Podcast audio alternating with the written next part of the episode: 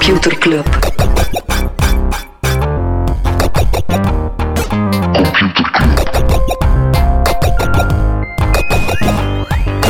Computer Club. Hey Smolly, Hey Freddy, welkom, welkom terug. welkom. Welkom bij Computer Club, een wekelijkse podcast over technologie. Iedere aflevering selecteren Freddy en ik een interessant artikel en presenteren een feitje. Ik heb het gevoel dat mijn welkom terug zat wat anders. Dat Oei. een andere welkom terug. Dat is een volledig andere intonatie. Ik was zelfs net bij mijn Hey Smolly aan het denken van, zijn er fitte droog in? Hey, dat is echt zo op dat knopje duwen en... En dat gaat vanzelf. dat gaat Freddy, vanzelf, waar gaan we het niet over hebben deze week? Eh, niet over hebben. Eh, ja, pech voor eh Margrethe Vestager. Dat is de eurocommissaris die ja, toch wel een serieuze strijd tegen Big Tech aangaat. Onder andere over fiscaal, fiscale voorkeursregimes, zoals in Luxemburg en Ierland. Wel, daar heeft nu een soort general court, ik weet zelf niet welke rechtbank die dat is, ehm, ja, die klacht van de EU weerlegt. En dat ging meer specifiek over Amazon, eh, die zogezegd eh onterecht voordelen had gekregen van Luxemburg, waardoor dat Amazon 250 miljoen ging moeten terugbetalen, maar dat is dus van tafel geveegd. Eh, wel minder goed nieuws voor Amazon. In de US heb je de FTC, ja, dat is wat handelsagentschap die een beetje bepaalt van, eh, van, van Mhm. onder andere wat er qua concurrentie en, en, en telecom en zo kan. Eh, daar hebben ze Lina Khan benoemd. eh, unaniem, het is te zeggen bipartisan, republikeinen en democraten, dus dat is wel zot dat die het eens zijn. Wat, maakt er, wat maakt Lina Khan zo, zo interessant? De dochter heel van? Nee. Oké. ze is heel vocaal anti-big tech. Het is zelfs zo, op haar Twitter is de tweet die al sinds 2017 bovenaan staat, haar eh, ja, quintessential eh, thesis over Amazon en antitrust. Alright. Dus eh, ja, Lina gaat ongetwijfeld ook een mening hebben over, eh, over Amazon. Alright. Ik dacht even inderdaad de dochter van Bob Kaan, die samen met Windsurf in der tijd het IP-protocol heeft uitgewerkt, maar het zal wel... Oeh, dat hier even zo'n klein computerklasje Ja, tussendoor. Ja, check. bam. Nee, Nog, eh, non-nieuws? Ja, wie dat er ook een eh, dikke baalweek heeft, is Antonio Garcia Martinez, die aangenomen was en na veel protest weer ontslagen is bij Apple. Die heeft toch zeker een maand gewerkt. Wie is Antonio? Antonio die had ooit een start-up die hij verkocht heeft aan Twitter. Heeft daarna ook bij Facebook gewerkt voor de IPO van het bedrijf. Ook bij Wired gewerkt, denk ik, als, eh, als journalist. Ja, die, die als inderdaad... gastschrijver, ik weet het. Ja, Ja, wel, hij schrijft dus ook, want hij heeft een boek geschreven over die periode. Dat heet Chaos Monkeys. En er zitten een aantal toch wel vrij vrouwenvriendelijke passages in dat boek. En toen een Business Insider schreef over de transfer van eh, Antonio is aangenomen bij Apple, is er meteen een petitie opgericht door werknemers bij Apple, die in no time 2000 keer ondertekend was. En hij is ontslagen. Eh, en nu is er een Wat is echt vrouwenvriendelijke shit. hè. Ik heb er de quotes uit gelezen. Het is Mhm. echt zo... Alle vrouwen uit de Bay Area... Ze doen allemaal alsof dat ze onafhankelijk en voor, vrij vocht zijn. Totdat er iets gebeurt. Dan staan ze snel weer thuis. Maar echt zo... Ja, ja. Ja. Ja, dus mensen bij Apple die die petitie ondertekenen, vroegen zich al af van hoe kan in godsnaam dat hij er zelfs is binnengeraakt. ja Eh, vooral, want het staat ook zwart op. Het is niet van... Ja. dit is opgedoken. Nee, nee, het heeft er letterlijk een boek over geschreven. Ja, en nu is er een techbro eh die crypto uitreikt in ruil voor de naam van de mensen die eh, al wie er eigenlijk voor geijverd heeft dat Garcia Martinez ontslagen is.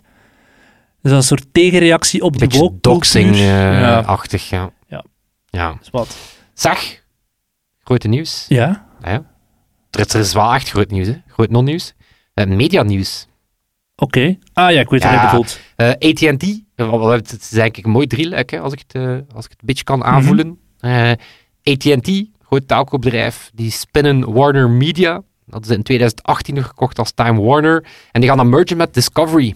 Wat dan eh, meteen het tweede grootste mediabedrijf na Disney wordt In Amerika. in Amerika. Is het in Amerika? Ja, ik kan me voorstellen dat er in China ook wel nog een groot mediabedrijf Ja. zal zijn.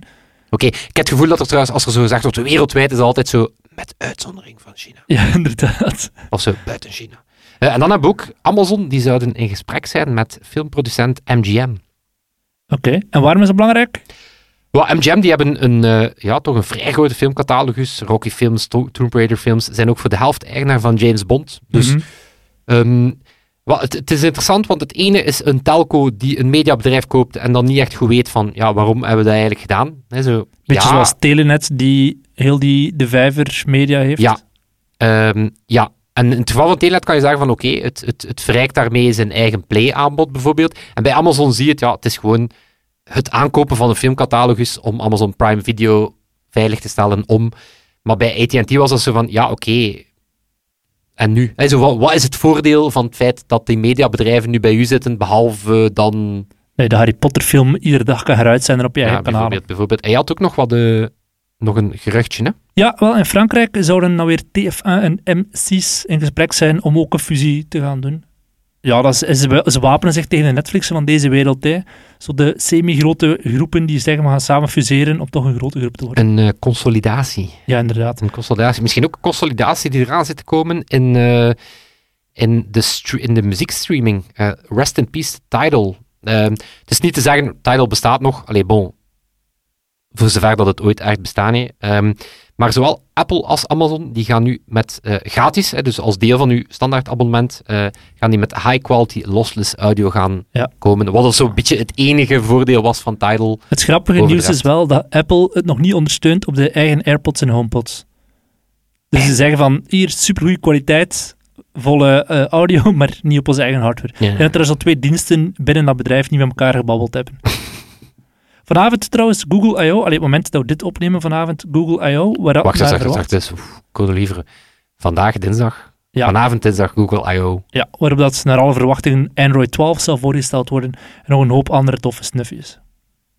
Ik ben, eh, ik weet niet, ik ben, ik, pas op de Google Duplex demo van I.O. 2017 was wel zot, Mhm. waarbij dat ze zo naar de, de Google Assistant naar een restaurant lieten bellen, maar ik vind de I.O.'s zelden, ja, Google kan minder goed show verkopen, vind ik. Terwijl ze vaak wel meer innovatieve stuff hebben. als wat. Ja. Oeh, oeh. Bij hem. Freddy, Goeie heb jij nog reclame. een ding waar we het niet over gaan hebben? Eh, goh, ja, ik weet niet, zo wat in, eh, in, eh, in, in wat meer het dag allemaal genre. Oké. Ehm, de board van Microsoft is een onderzoek gestart naar of Bill Gates een affaire heeft gehad. Ay, die zou een affaire gehad hebben met een collega. En eh, daarvan zei de Gates, woordvoerder, Bill Gates, woordvoerder, ja, oké, maar twintig jaar geleden en mijn vertrek, eh, of zijn vertrek uit de board van Microsoft vorig jaar had daar niks mee te maken. Ik weet niet, Oké. ik vond dat wel een, een, roddel, ik weet niet, een roddelpers. Ja. Ik doe ook Nog mijn een best, eh? Smolly, om hier wat interessante... Heb je nog een dag allemaal kapsalon eh, nieuws? Nee? Nee, nee, Alright, nee, nee. tof. Dat we over het echte nieuws. Hè. Zij, we gaan nog dingen die we niet hebben kunnen vermelden. Die we niet hebben, waar dat we het niet over hebben in de niet-hebbens over, die vermelden we in de nieuwsbrief. Yes. Die vinden we via... Nieuwsbrief tot computerclub tot online. Nice. Al meer dan 400 abonnees. Zot, hè? Dat is nice. Freddy, waar gaan we het wel over hebben? Eh, ja, het is aan mij even te beginnen. Ja? Ja, wel, ik had eerst een super feel good stuk. Allee, super feel good. Ik had het eerste stuk over zo de, een artikel van Bloomberg dat ging over de rivaliteit tussen Microsoft en Apple, die weer helemaal terug is. Ik had dan zo wat toffe clipjes van die I'm a PC en I'm a Mac commercial. En dat gaat dan meer bepaald over het feit dat Microsoft nu getuigt op het Epic Games con- eh, op de Epic, Epic Games eh, rechtszaak Mhm. dat, dat Apple ook, ook hun game streaming dienst fnuikt en et cetera, et cetera.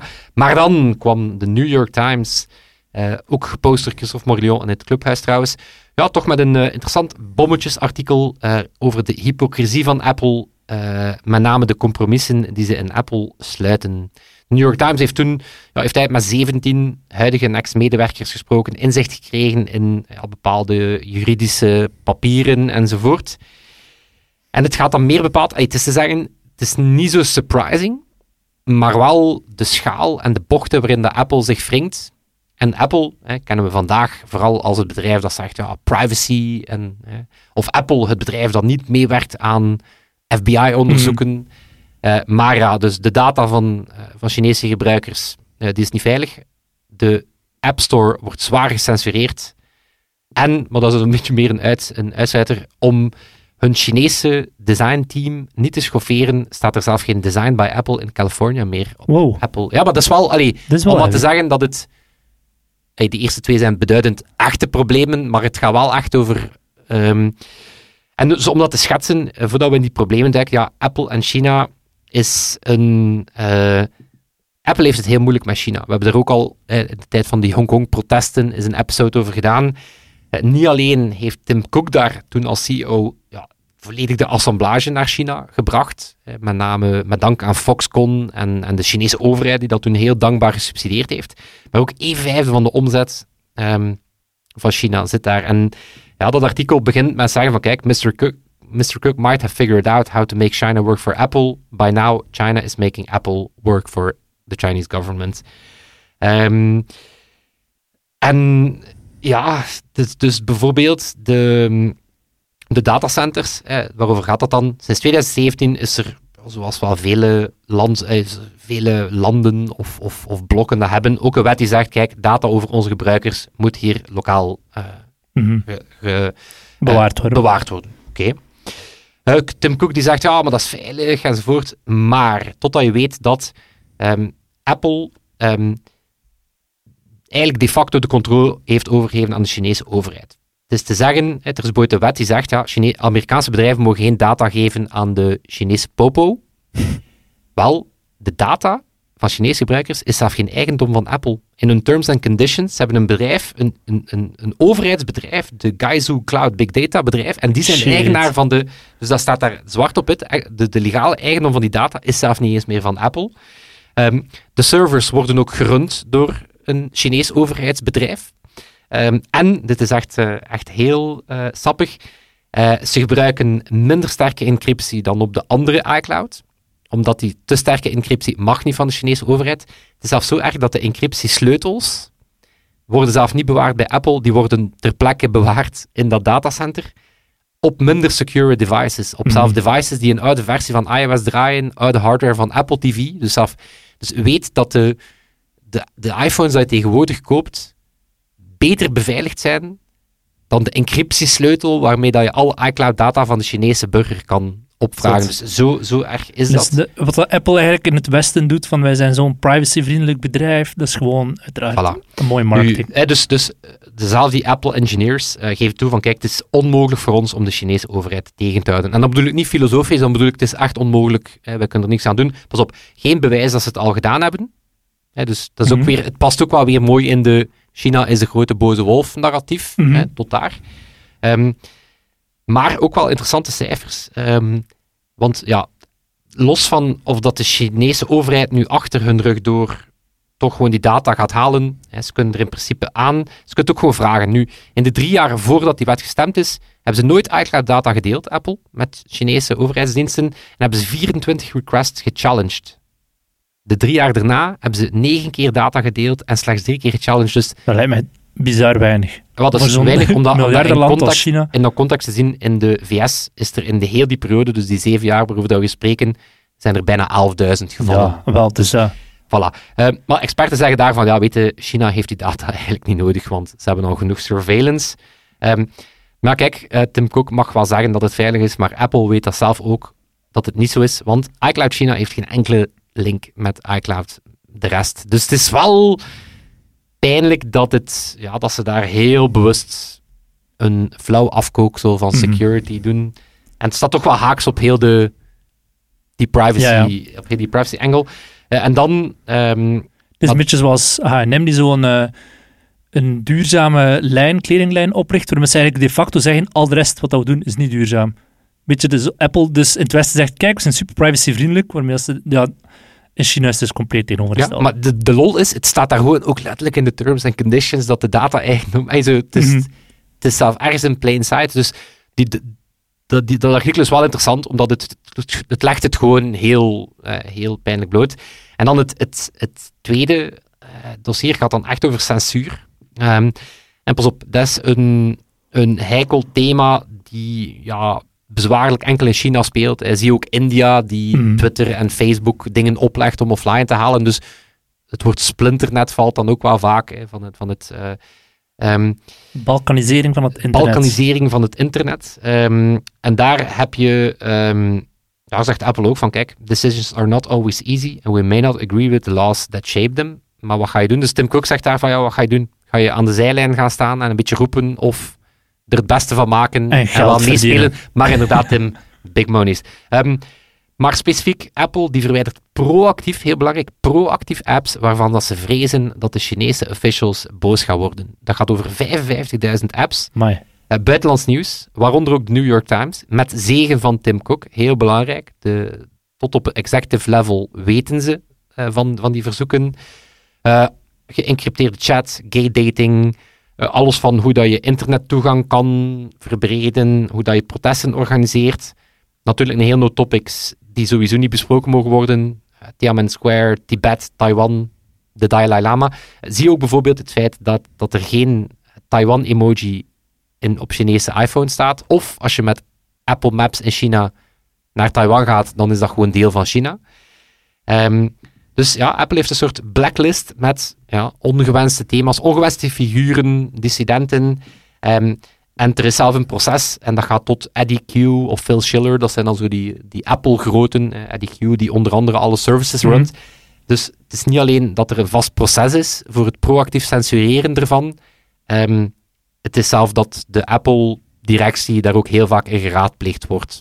Dus Ja, ja. Ze weten het allemaal. eh. ja, en, die, en als het gaat over het, het, het, het, het echt op vraag van een overheid, takedownen, ook daar wel tekenende cijfers.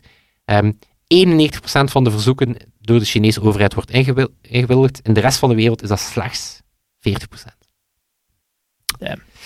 Ja, het is, het, het, het, weet het, is zo het, het is niet echt verrassend nieuws, want ja, het is al eerder wel duidelijk dat die data in China, dat daar wel iets, eh, dat dat wel iets, eh, iets funky is. En ja, censuur van app stores, sociale media, dat weten we ook, maar zo...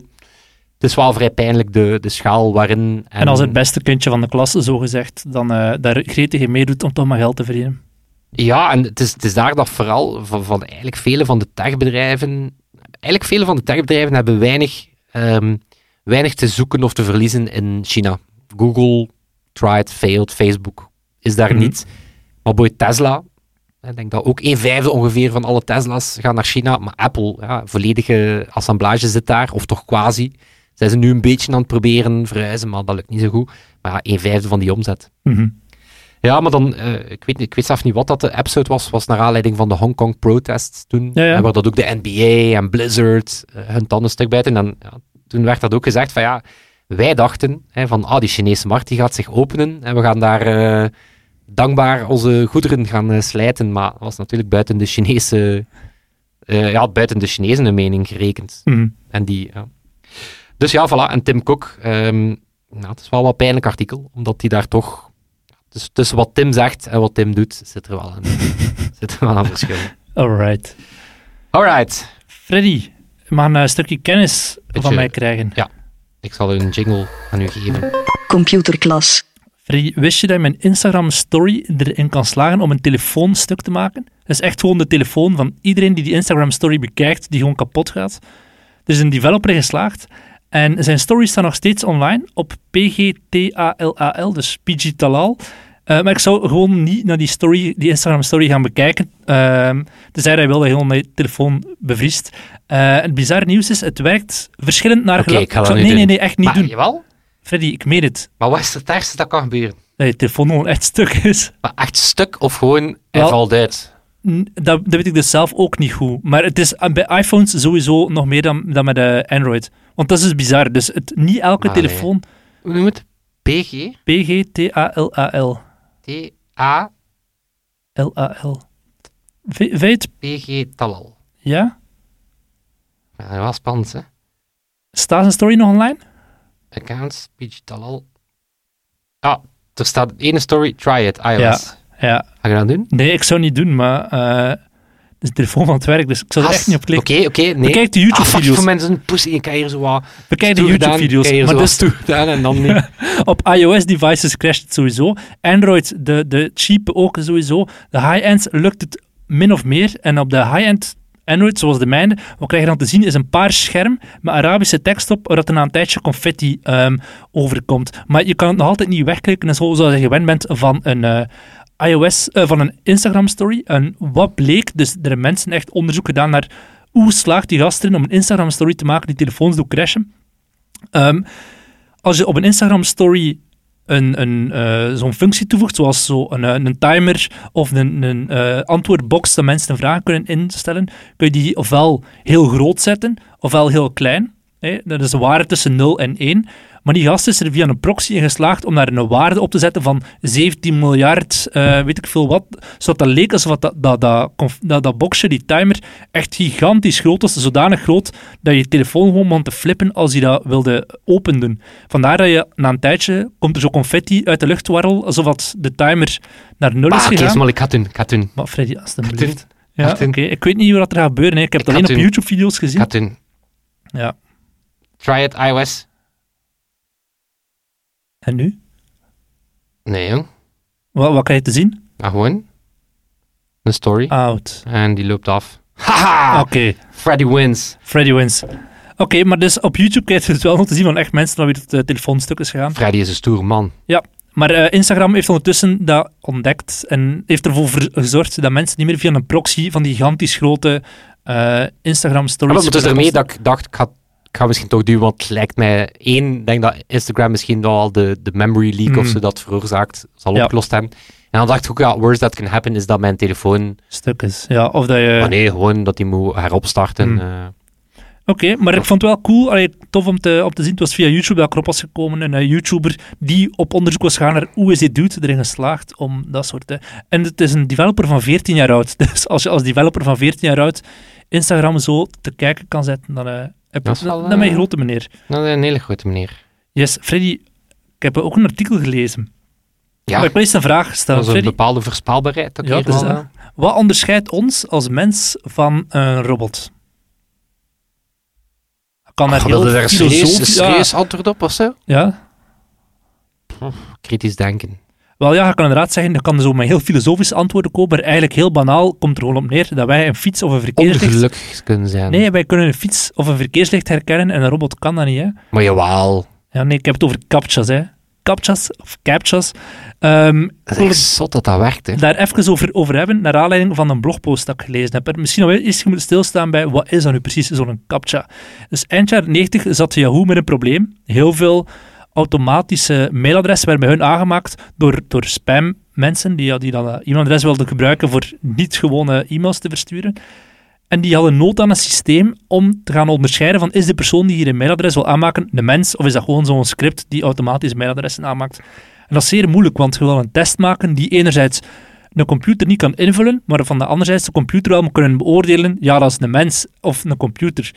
En anderzijds moet die test zodanig makkelijk zijn. Ja, je wilt er ook geen conversie mee verliezen. Nee, jawel, dit is wel een klein kind. Als een, als een oma zou die moeten kunnen in, in, ehm, ja, invullen.